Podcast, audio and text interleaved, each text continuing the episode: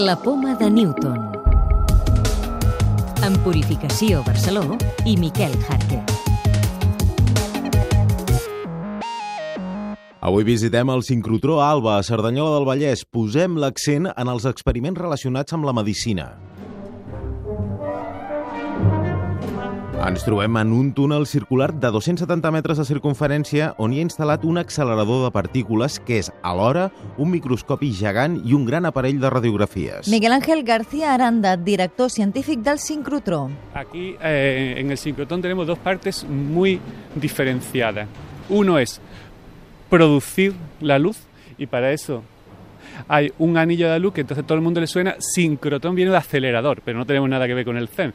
Aquí se aceleran electrones y aquí está viendo un anillo a velocidades prácticamente la velocidad de la luz, al 99,999, de tal forma que esos electrones acelerados, cuando se le aplica un campo magnético, dan los rayos X, dan los fotones. Aquests raigs X, un bilió de vegades més brillants que els normals, permeten fer diversos experiments. Una de las más eh, importantes hoy en día es cristografía de macromoléculas. Eso puede ser un nombre un poquito complicado, pero es muy importante la salud. Cuando los fármacos, para diseñar nuevos fármacos, los fármacos tienen que interactuar con las proteínas, con los componentes de nuestro cuerpo.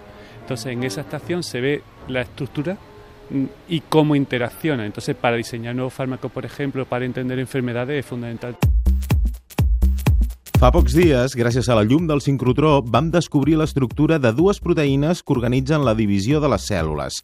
Això obre noves possibilitats mèdiques en la lluita contra el càncer i altres malalties. David Reverter, de l'Institut de Biotecnologia i Biomedicina, és qui ha dirigit aquesta investigació. És una investigació a nivell de recerca bàsica, però pot tenir repercussió doncs, a, a nivell terapèutic doncs, si s'arriben a trobar doncs, medicaments que puguin interferir doncs, en, en, amb aquesta interacció. Caterina Viscari és la directora del sincrotró Alba. Crea posibilidades de investigación, posibilidades para la industria. Entonces, por esto es muy importante. O sea, los países mmm, que tienen una instalación de ese tipo tienen eh, una riqueza, porque es una, un producto que mejora día a día. Pero no es solo eso, es sobre todo la posibilidad de eh, abrir horizontes en un país.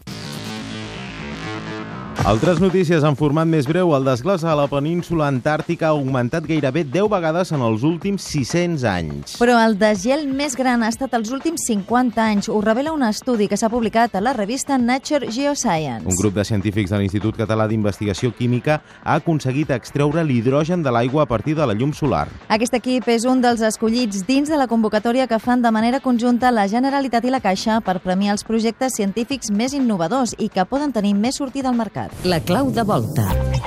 Avui us expliquem què fa úniques les neurones. Doctor Francesc Graus, cap del Servei de Neurologia de l'Hospital Clínic de Barcelona. Un avantatge és de que no, no es divideix. Això fa que no hi hagi càncer de, de neurones, però el fet de que no es pugui dividir fa que quan es mori no es reemplaça. Eh? Aleshores, eh, moltes malalties neurològiques degeneratives, l'Alzheimer, Parkinson, venen degudes a que les neurones es moren de manera accelerada eh, i, clar, no es poden regenerar.